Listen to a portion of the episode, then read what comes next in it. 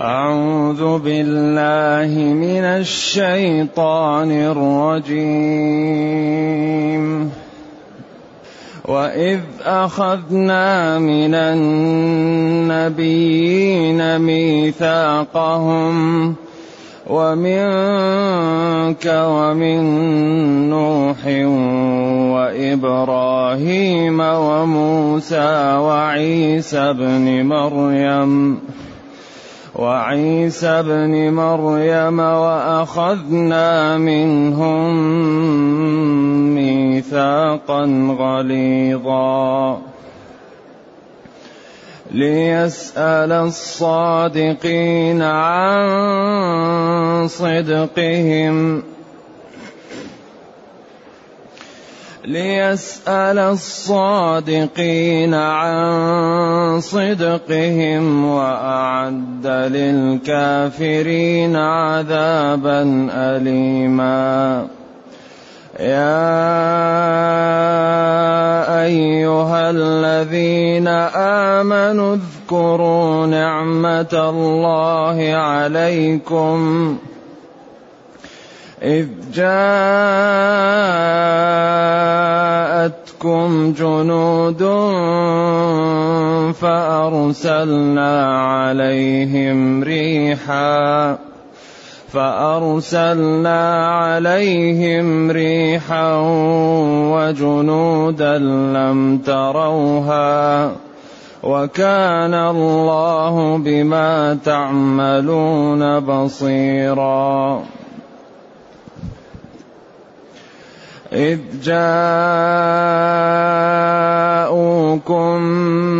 من فوقكم ومن أسفل منكم ومن أسفل منكم وإذ زاغت الأبصار وبلغت القلوب الحناجر ۖ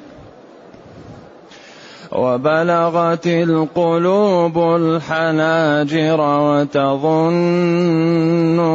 بالله الظنونا. هنالك ابتلي المؤمنون. هنالك ابتلي المؤمنون وزلزلوا زلزالا شديدا. واذ يقول المنافقون والذين في قلوبهم مرض ما وعدنا الله ورسوله ما وعدنا الله ورسوله الا غرورا واذ قالت طائفة منهم يا أهل يثرب لا مقام لكم فارجعوا. لا مقام لكم فارجعوا ويستأذن فريق منهم النبي يقولون إن بيوتنا عورة. يقولون إن بيوتنا عورة وما هي بعورة وما هي بعورة إن يريدون إلا فرارا. ولو دخلت عليهم من أقطارها ثم سئلوا الفتنة ثم سئلوا الفتنة لأتوا لآتوها وما تلبثوا بها إلا يسيرا. ولقد كانوا عاهدوا الله من قبل لا يولون الأدبار. لا يولون الأدبار وكان عهد الله مسؤولا. الحمد لله الذي أنزل إلينا أشمل كتاب وأرسل إلينا أفضل الرسل. وجعلنا خير أمة أخرجت للناس. فله الحمد وله الشكر على هذه النعم العظيمة والآلاء الجسيمة. والصلاة والسلام على خير خلق الله وعلى آله وأصحابه ومن اهتدى بهداه. ما بعد فإن الله تعالى قبل أن نبدأ في درس اليوم نشير إلى بعض المسائل في الدرس السابق وهو أن سورة الأحزاب يقال إنها كانت تعدل سورة البقرة وأنها نسخت. وكان من جملتها الشيخ والشيخة إذا زنيا فارجموهما البتة نكالا من الله والله عزيز حكيم. فيقسم بن مسعود بالذي يقسم به إنها كانت مثل سورة البقرة. وهذا وقع في آثار. ثم إن نسخ. أما ما يقوله بعض الملاحدة وأن هذا كان موجود وأكلته الداجن فهذا كلام الزنادقة. ومن على شاكلتهم من الفرق الضالة. يقولون أنه كانت السورة طويلة ولكن ضاع بعضها. القرآن لا يضيع. وإنما الذي يذهب من القرآن بالنسخ. أما القرآن محفوظ. إنا نحن نزلنا الذكر وإنا له لحافظون. ولذلك القرآن من حيث النسخ وعدمه منقسم إلى أربع أقسام. قسم محكم بالتلاوة وبالأحكام. كقوله تعالى قل للمؤمنين يغضوا من أبصارهم. هذا باقي التلاوة وباقي الحكم. وقسم رفعت حكمه وتلاوته. كقوله كان فيما أنزل على محمد صلى الله عليه وسلم عشر رضعات معلومات يحرمن. فهذا نسخ حكمه و وتلاوته. ونسخ وقسم نسخت تلاوته وبقي حكمه. وهو الشيخ والشيخة إذا زنيا فارجموهما البتة نكالا من الله والله عز حكيم هذا لا تقرأ من القرآن ولكن هذا الحكم باقي. وإن كان بعض العلماء يشكك في نسخ التلاوة وإبقاء الحكم ولكن القرآن له جهتان. وقسم منسوخ الحكم باقي التلاوة كقوله تعالى والذين يتوفون منكم ويذرون أزواجا وصية لأزواجهم متاعا إلى الحول غير إخراج وكقوله فقدموا بين يدي نجواكم صدقة. إذا القرآن من حيث النسخ وعدمه منقسم أربع أقسام. قسم باقي التلاوة وباقي الحكم. وقسم منسوخ التلاوة وباقي الحكم. منسوخ التلاوة والحكم. وقسم منسوخ التلاوة وباقي الحكم. وقسم باقي الحكم منسوخ التلاوة. والآية لها جهتان. القرآن له جهتان. جهة يتعبد بألفاظه. كل حرف بعشر حسنات ومعجز. وجهة يجب العمل بالأحكام التي حوتها هذه الألفاظ. فأحيانا يرفع الحكم واللفظ وأحيانا يبقى الحكم واللفظ وأحيانا يرفع أحدهما ويبقى الآخر. وهذا إن شاء الله هو التحقيق. إذا يقول تعالى ثم إن أشرنا إلى قضية إذا قال الرجل الحلال علي حرام أو علي أشد ما يمين في الدنيا ما الذي يلزمه؟ قال الحلال علي حرام أو قال زوجه عليه حرام. هذا للعلماء فيه أكثر من عشرين قولا. والذي استظهره المحققون ومن أراد الاستزادة فلينظر في هذه الآية في الجزء السادس من أضواء البيان في سورة الأحزاب. بحث هذا الموضوع بحث موسع. لكن يقول أقوى شيء فيها أن الذي حلل حرم الحلال مثل قال الحلال علي حرام أن الزوجة هذا يكون ظهارا. لأن أنت علي كظهر أمي تساوي أنت علي حرام. هذا أقوى الأقوال. القول الثاني أنها تكون تكفر بيمين. وفي أقوال عند المالكية والحنابلة والشافعية والأحناف ومسائل كثيرة. أغلبها يعني ما فيه نص صريح وإنما فيه الاجتهاد في, في, في داخل النص. فالمالكية قالوا إما أن تكون ثلاثة أو تكون طلقة واحدة باتة. وبعضهم كأنه يستظهر أنها يمين لقوله تعالى لم تحرم ما أحل الله لك؟ تبتغي مرضاة أزواجك والله غفور رحيم قد فرض الله لكم تحلة أيمانكم. لكن هذا ما هو نص. لأن بعض العلماء يقول الذي حرم شرب العسل. قال لا حاجة لي فيه لا أشربه بعد اليوم. لأنه كان يجلس عند إحدى أمهات المؤمنين جاءها عسل ويتأخر عندها فاتفقت عائشة وحفصة أنهم يقولان هذا النحل قرصت رعت نحله في القرفص في شجر يقال له إيش؟ المغافير قرصت المغافير ولما أراد أن يقرب منها ليسلم عليها قالت أكلت مغافير؟ والرسول صلى الله عليه وسلم يكره الرائحة الغير جيدة لأنه يقرأ القرآن وينزل عليه جبريل ويلاقي الوفود ومن طبعه جمال الرائحة وحسن الخلق وجمال الصورة.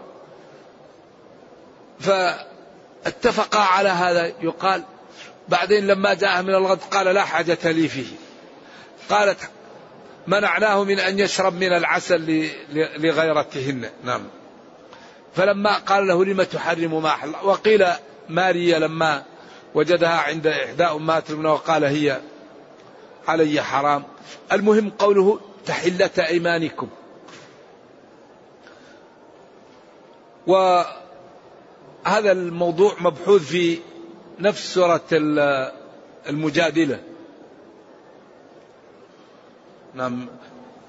هناك موضح فيه هذا ومبين الكفارة وطريقها. يقول تعالى ولقد أخذنا من النبيين ميثاقهم ومنك. ولقد والله لقد. وإذ أخذنا من النبيين ميثاقهم ومنك ومن نوح وإبراهيم وموسى وعيسى بن مريم وأخذنا منهم ميثاقا غليظا. واذكر يا نبيي حين أخذنا من النبيين جميعا ميثاقهم بالتبليغ وبتأدية ما نزل عليهم كاملا من غير إنقاص. الرسل لا بد أن يؤدوا ما عندهم. ولذلك الله اصطفاهم واختارهم وجعل أفئدتهم وعاء للخير. ولذلك معصومون من رذائل الأفعال ومن خسائس الأمور. مصطفون قالت رسلهم إن نحن إلا بشر مثلكم. ولكن الله يمن على من يشاء. نعم. وإذ أخذنا من النبيين ميثاقهم. النبيين جمع نبي وهذا الذي يقوي أن النبي هو الرسول. لأن التفريق بينهما نظرية أو ببداية الرسالة. ببداية الرسالة يكون بالتنبيه. لكن في الغالب بعدين يرسل يكون نبي ورسول. وكل رسول نبي وليس كل نبي رسول هذا نظري. لكن في الواقع النبي هو الرسول. في الواقع في واقع القرآن وفي واقع التعابير الموجودة في الشريعة. وإذا أخذنا من النبيين ميثاقهم كل الأنبياء يبلغون وما جاءهم من, من الوحي يبلغونه مهما كلفهم. ومنك محمد صلى الله عليه وسلم ومن نوح وإبراهيم وموسى وعيسى بن مريم يقال هؤلاء أولو العزم من الرسل خمسة. وهذا من باب عطف الخاص أيوة على العام. حافظوا على الصلوات والصلاة الوسطى. وملائكته وجبريل. هنا أخذنا من النبيين كلهم ومنك ومن نوح وإبراهيم وموسى وعيسى بن هؤلاء أولو العزم من الرسل على القول المعتمد. وأخذنا منهم ميثاقا يعني غليظا في التبليغ وفي البيان وفي النصح لمن أرسل إليهم وفي عدم الكتمان وفي ركوب المخاطر لإيصال هذا الدين. ولذلك نبينا لما ورد في السير وهو أثر فيه ضعف قالوا له إن شئت زوجناك وإن شئت ملكناك وإن شئت أغنيناك. أترك هذا الأمر. فرقتنا وسببت آباءنا وشتمت آلهتنا. قال لو وضعوا الشمس في يميني والقمر في يساري ما تركت هذا الأمر حتى أموت أو يظهره الله. وبكى صلوات الله وسلامه عليه. هذا في السير لكن لا أعرفه ثابت وإنما وارد. هو اللي لما آه، يعني حزن قال له عمه يسلي والله لن يصلوا إليك بجمعهم حتى أوسد في التراب دفينا فاصدع بأمرك ما عليك غضاضة. تكلم يا ابن أخي والله لن يصلوا إليك. ما تؤمن به قله نعم ولذلك إن الله يؤيد هذا الدين بالرجل الفاجر. أيد الله الإسلام به ولكنه نرجو الله السلام والعافية. نعم. وأخذنا منهم ميثاقا. عهود على التبليغ وعلى البيان وعلى النصح وعلى البذل والتضحية في هذا الدين. بعدين قال ليسأل الصادقين عن صدقهم. وأخذنا منهم ميثاقا غليظا. بعدين ليجازى كل واحد. ليبلوكم أيكم سنو عملا في ما في كلام بس يبتلى الواحد يبتلى الواحد لكن ينال المنازل العليا إذا نجح وينال المراتب ويكون ينظر لمنازله كما ينظر إلى القمر وناس لا يبالون يرسبون عياذا بالله ويكون في إيش؟ الدرك الأسفل من النار. ليسأل الصادقين عن صدقهم. وأخذنا منهم ميثاقا غليظا ليجازى كل بعمله. كما قال خلق الموت والحياة ليبلوكم. ولا يزالون مختلفين إلا من رحم ربك. ولذلك خلقهم للاختلاف والرحمة. فمنهم شقي وسعيد نعم إذا ليسأل الصادقين عن صدقهم يسألهم عن صدقهم وكيف صدقوا ولماذا صدقوا؟ ولماذا تركوا الحرام؟ وكيف ضحوا؟ بعدين يسألهم ليكرمهم. هذا السؤال نفسه فيه كرام في تبجيل في احترام. يعني في منقبة في عز. كما قال يأتون ما آتوا وقلوبهم وجلة أنهم إلى ربهم راجعون. أولئك يسارعون في الخيرات وهم لها سابقون. بعدين قال ولا نكلف نفسا إلا وسعها. قالت عائشة للنبي صلى الله عليه وسلم الذين يفعلون المعاصي قال لا يا ابنة الصديق يأتون الطاعات ويخافون أن لا يقبل منهم. يأتون ما آتوا من الطاعات وقلوبهم وجلة أنه على شعبة من النفاق على شعبة من السمعة على شعبة من المحمدة. يعني يخافون. وأعد للكافرين عذابا أليما. أعد هيأ للكافرين جمع كافر. عذاب عقوبة أليم موجعة تؤلمه يتصل به النكاية. ولذلك هذا الكتاب لا مجال للضلال معه. هذا الكتاب يجلي الأمور تجلية واضحة. نعم. وأخذنا منهم ميثاقا وعهود غليظة وقوية ليسأل الصادقين عن صدقهم وأعد للكافرين عذابا أليما موجعا يصل, يصل وجعه إلى قلوبهم عياذا بالله. نرجو الله السلام والعافية. ثم أراد جل وعلا أن يبين نعمه على المسلمين وما دفع عنهم وما أعزهم به. يا أيها الذين آمنوا يا حرف نداء. أي وصل النداء. الذين جمع الذي. آمنوا صلة الموصول. لذلك هذه الصلة جميلة. الذين آمنوا. ما كفروا ما نافقوا ما ظلموا ما فسقوا آمنوا. اذكروا نعمة الله عليكم. اذكروها بالشكر وبالتحدث وب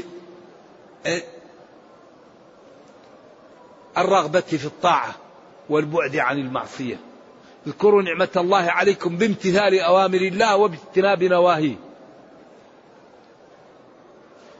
إذ جاءتكم جنود أي جنود عظيمة فأرسلنا عليهم ريحا أي ريحا مدمرة الصبا أو الدبور تأخذ الحصى وتصحبهم به.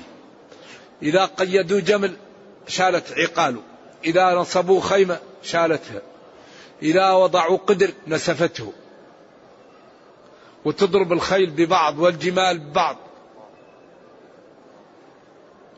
وأرسلنا عليهم أيضا جنودا عظماء أقوياء كثير لم تروها. وهم من؟ الملائكة. وهنا وقفة خفيفة أن الذي ينصر بالملائكة والرياح ينبغي أن تكون العلاقة معه على ما شرع وعلى ما أراد. من جنده الملائكة والرياح. ينبغي لعبيده ولخلقه أن يسيروا على ما أراد منهم. لذلك هذه الآيات فيها أصول النصر. وفيها كيف المسلمين ينتصرون وفيها بيان قدرة الله وأن الذي ينضوي تحت طاعته منصور لا محالة. فقد بين أن أصول النصر منحصرة في نقطتين وهما الإعداد الحسي والإعداد المعنوي. المسلمون ينتصرون بالإعداد. أعدوا. تعاونوا. اثبتوا. اذكروا الله. كونوا مع الصادقين. إذا للنصر ركنان. الركن الأول لا بد من الإعداد. والإعداد لا نكلف إلا ما نستطيع. لو عصى. لو حصى. لكن لا نبخل بما نستطيع. واعدوا لهم ما استطعتم. الذي استطعتموه. من أي قوة؟ من أعلى قوة. إلى أدنى قوة نستطيعها. اذا هذا الإعداد الحسي الذي يرى. الإعداد المعنوي هو الالتجاء إلى الله والاستقامة على الدين وعدم الدخول في المعاصي ايا كانت. فإذا قام المسلمون بالركنين الله ينصرهم. لأن الله لا يخلف الميعاد وقال إن تنصروا الله ينصركم. والركنان موجودان في هذه الغزوة غزوة الأحزاب غزوة الخندق. لأنها كانت في السنة الرابعة وقيل كانت في السنة الخامسة على خلاف. ويمكن في السنة الخامسة لكن ما انتهت خمس سنين من حيث الأشهر للجمع بين الأقوال. وكأن مالك يرى أنها السنة الرابعة. فهنا أول شيء قام به المسلمون حفر الخندق. وكان بمشورة من سلمان. قال له كنا إذا خفنا خندقنا. فحفروا الخندق. عملوا الآن المسجد الكبير. الخندق كان من آخذ من هناك ورايح إلى تقريبا قريب من إيش؟ من مسجد القبلتين. ثم في الجهة اللي وراه كان فيه جبال هناك ما بينهم عمل الخندق.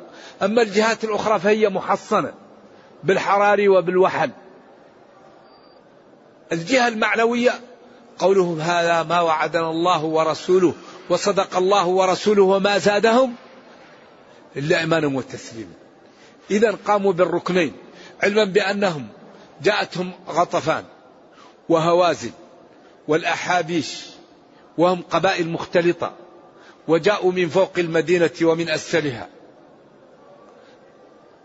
هوازن وبني عامر وقريش ومعها الأحابيش في الجهة الغربية وهؤلاء في الجهة الشرقية. حتى قال جاءوكم من فوقكم ومن أسفل منكم وإزغت الأبصار. المسلمون قالوا هذا ما وعدنا الله ورسوله وصدق الله ورسوله وما زادهم إلا إيمانا وتسليما. إذا المسلمون قاموا بالركنين. الركن الأول الإعداد. الحسي وهو حفر الخندق. الركن الثاني الإعداد المعنوي وهو الالتجاء إلى الله والاعتماد عليه وقوة الإيمان والتصميم والاتكال على الله. عند ذلك أنزل الملائكة والرياح وهزم الأحزاب وامتن على المسلمين وقال اذكروا نعمة الله عليكم إذ جاءتكم جنود فأرسلنا عليهم ريحا وجنودا لم ترها. إذا حري بنا أن نأتي الأمور من أبوابها وأن أي قضية نحاول أن نأتيها من بابها لننجح. ولذلك قال يا أيها الذين آمنوا إذا لقيتم فئة إيش؟ اثبتوا أصمدوا في الخطوط الأمامية والرؤوس تطير عن الأعناق. ثم بين الإعداد المعنوي وقال واذكروا الله كثيرا لعلكم تفلحون. لاحظ اصمدوا واذكروا الله. هناك قالوا هذا ما وعدنا الله ورسوله وبعدين حفروا الخندق. كل شيء نحتاجه موجود في كتابنا. لكن يحتاج أن ندرسه أن نقرأه أن نتأمله أن نتدبره أن نعطيه الوقت. كل شيء تحتاجه الأمة موجود في هذا الكتاب الذي لا يأتيه الباطل من بين يديه ولا من خلفه. الذي أخبر الله أنه تبيان لكل شيء. ممتنا عليه وقال ونزلنا عليك الكتاب تبيانا لكل شيء. إذا فأرسلنا عليهم ريحا وجنودا لم تروها. ملائكة لا, لا ير لم يروها. قال أبو سفيان ما فيه نزول. وجاء نعيم وقال خذل عنا. فراح لليهود وخوفهم وراح لقريش وخوفهم وراح لهوازن وخوفهم فاضطربوا بينهم وأكرم الله المسلمين وانهزم الأحزاب وكفى الله المؤمنين القتال.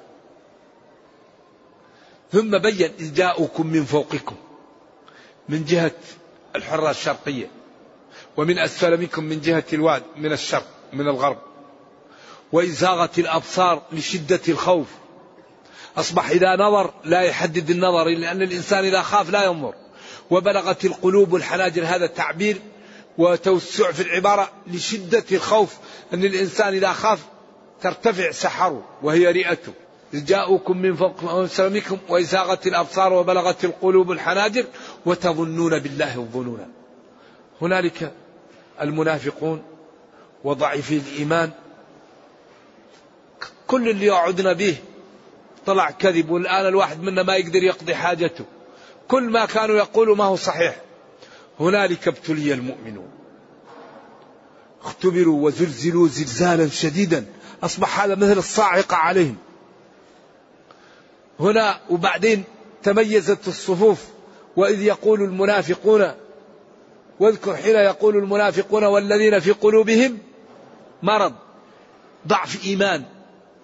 تشويش شبه لأن المرض في القلب يكون من جهتين يكون من جهة الشهوة ومن جهة الشبهة.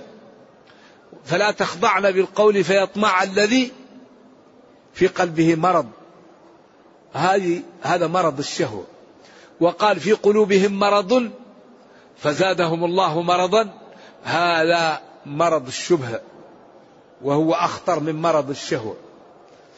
لذلك هذا الدين كل شيء مبين فيه. ما رأيت أدق في علاج ما تحتاجه الأمة من هذا الكتاب. فحري بنا أن ننضوي تحته وأن نعمل به وأن نشرحه للناس وأن نفهم العالم أن الإنقاذ في القرآن كتاب لا يأتيه الباطل. من تمسك به نجا العروة الوثقى. إذا وتظنون بالله الظنونا. ما يعني لن نفرح بعد اليوم. سيستأصلوننا. كل واحد يظن هذه. هنالك ابتلي المؤمنون. هنالك لبعد خطورة هذا. في ذلك المكان. ولبعد هذا المكان وخطورته وله ما بعده. ابتلوا اختبروا وزلزلوا. ووقعوا في حرج شديد. وزلزلوا زلزالا شديدا. واذكر حين يقول المنافقون والذين في قلوبهم شك ونفاق. وضعف إيمان ما وعدنا الله ورسوله إلا باطلا غرورا واذكر حين قالت طائفه منهم هؤلاء المنافقون وضعيفي الإيمان يا أهل يثرب وهو اسم للمدينة قديم لا يحبب اسمها طيبه وطابه والمدينة. أما يثرب يعني ليس اسم محبب. لا مقام لكم لا نزول لكم ولا طريقة لكم في الجلوس. فارجعوا إلى بيوتكم. لا مقام لكم أي لا, لا سكنى ولا جلوس لكم لشدة الهول وخطره. فارجعوا إلى منازلكم. يعني المنافقون يقول يا أهل المدينة يا أهل يثرب لا تجلسوا هنا هذا خطر عليكم. ارجعوا إلى بيوتكم. وبعضهم يقول إن بيوتنا عورة ليست محصنة. وليست وهي يعني في, في, في مرمى العدو ويمكن أن, أن, أن نؤذى عن طريقها. وليست بعورة وإنما ذلك من شدة الخوف, الخوف والجبن. وما هي بعورة؟ إن يريدون إلا فرار ما يريدون إلا هروبا وذهابا عن المعركة. ولو دخلت عليهم المدينة من جميع جهاتها من العدو ثم سئلوا الفتنة الشرك. لأتوها اللي هي الفتنة وهي الشرك وما تلبثوا بالإيمان إلا يسيرا لما فيهم من الخوف ولما فيهم من النفاق ولما فيهم من ضعف الإيمان عياذا بالله. وما تلبثوا بها ولقد كانوا هؤلاء قد كانوا عند دخولهم في الإسلام ومبايعتهم للنبي صلى الله عليه وسلم عاهدوا الله من قبل. فدوا لا يولون الأدبار. وأنهم إن طولبوا بالجهاد أو إن طلبوا بالنفير أو إن طولبوا بالتضحية لنفذوا وقدموا. إذا هم نقضوا العهد وكذبوا.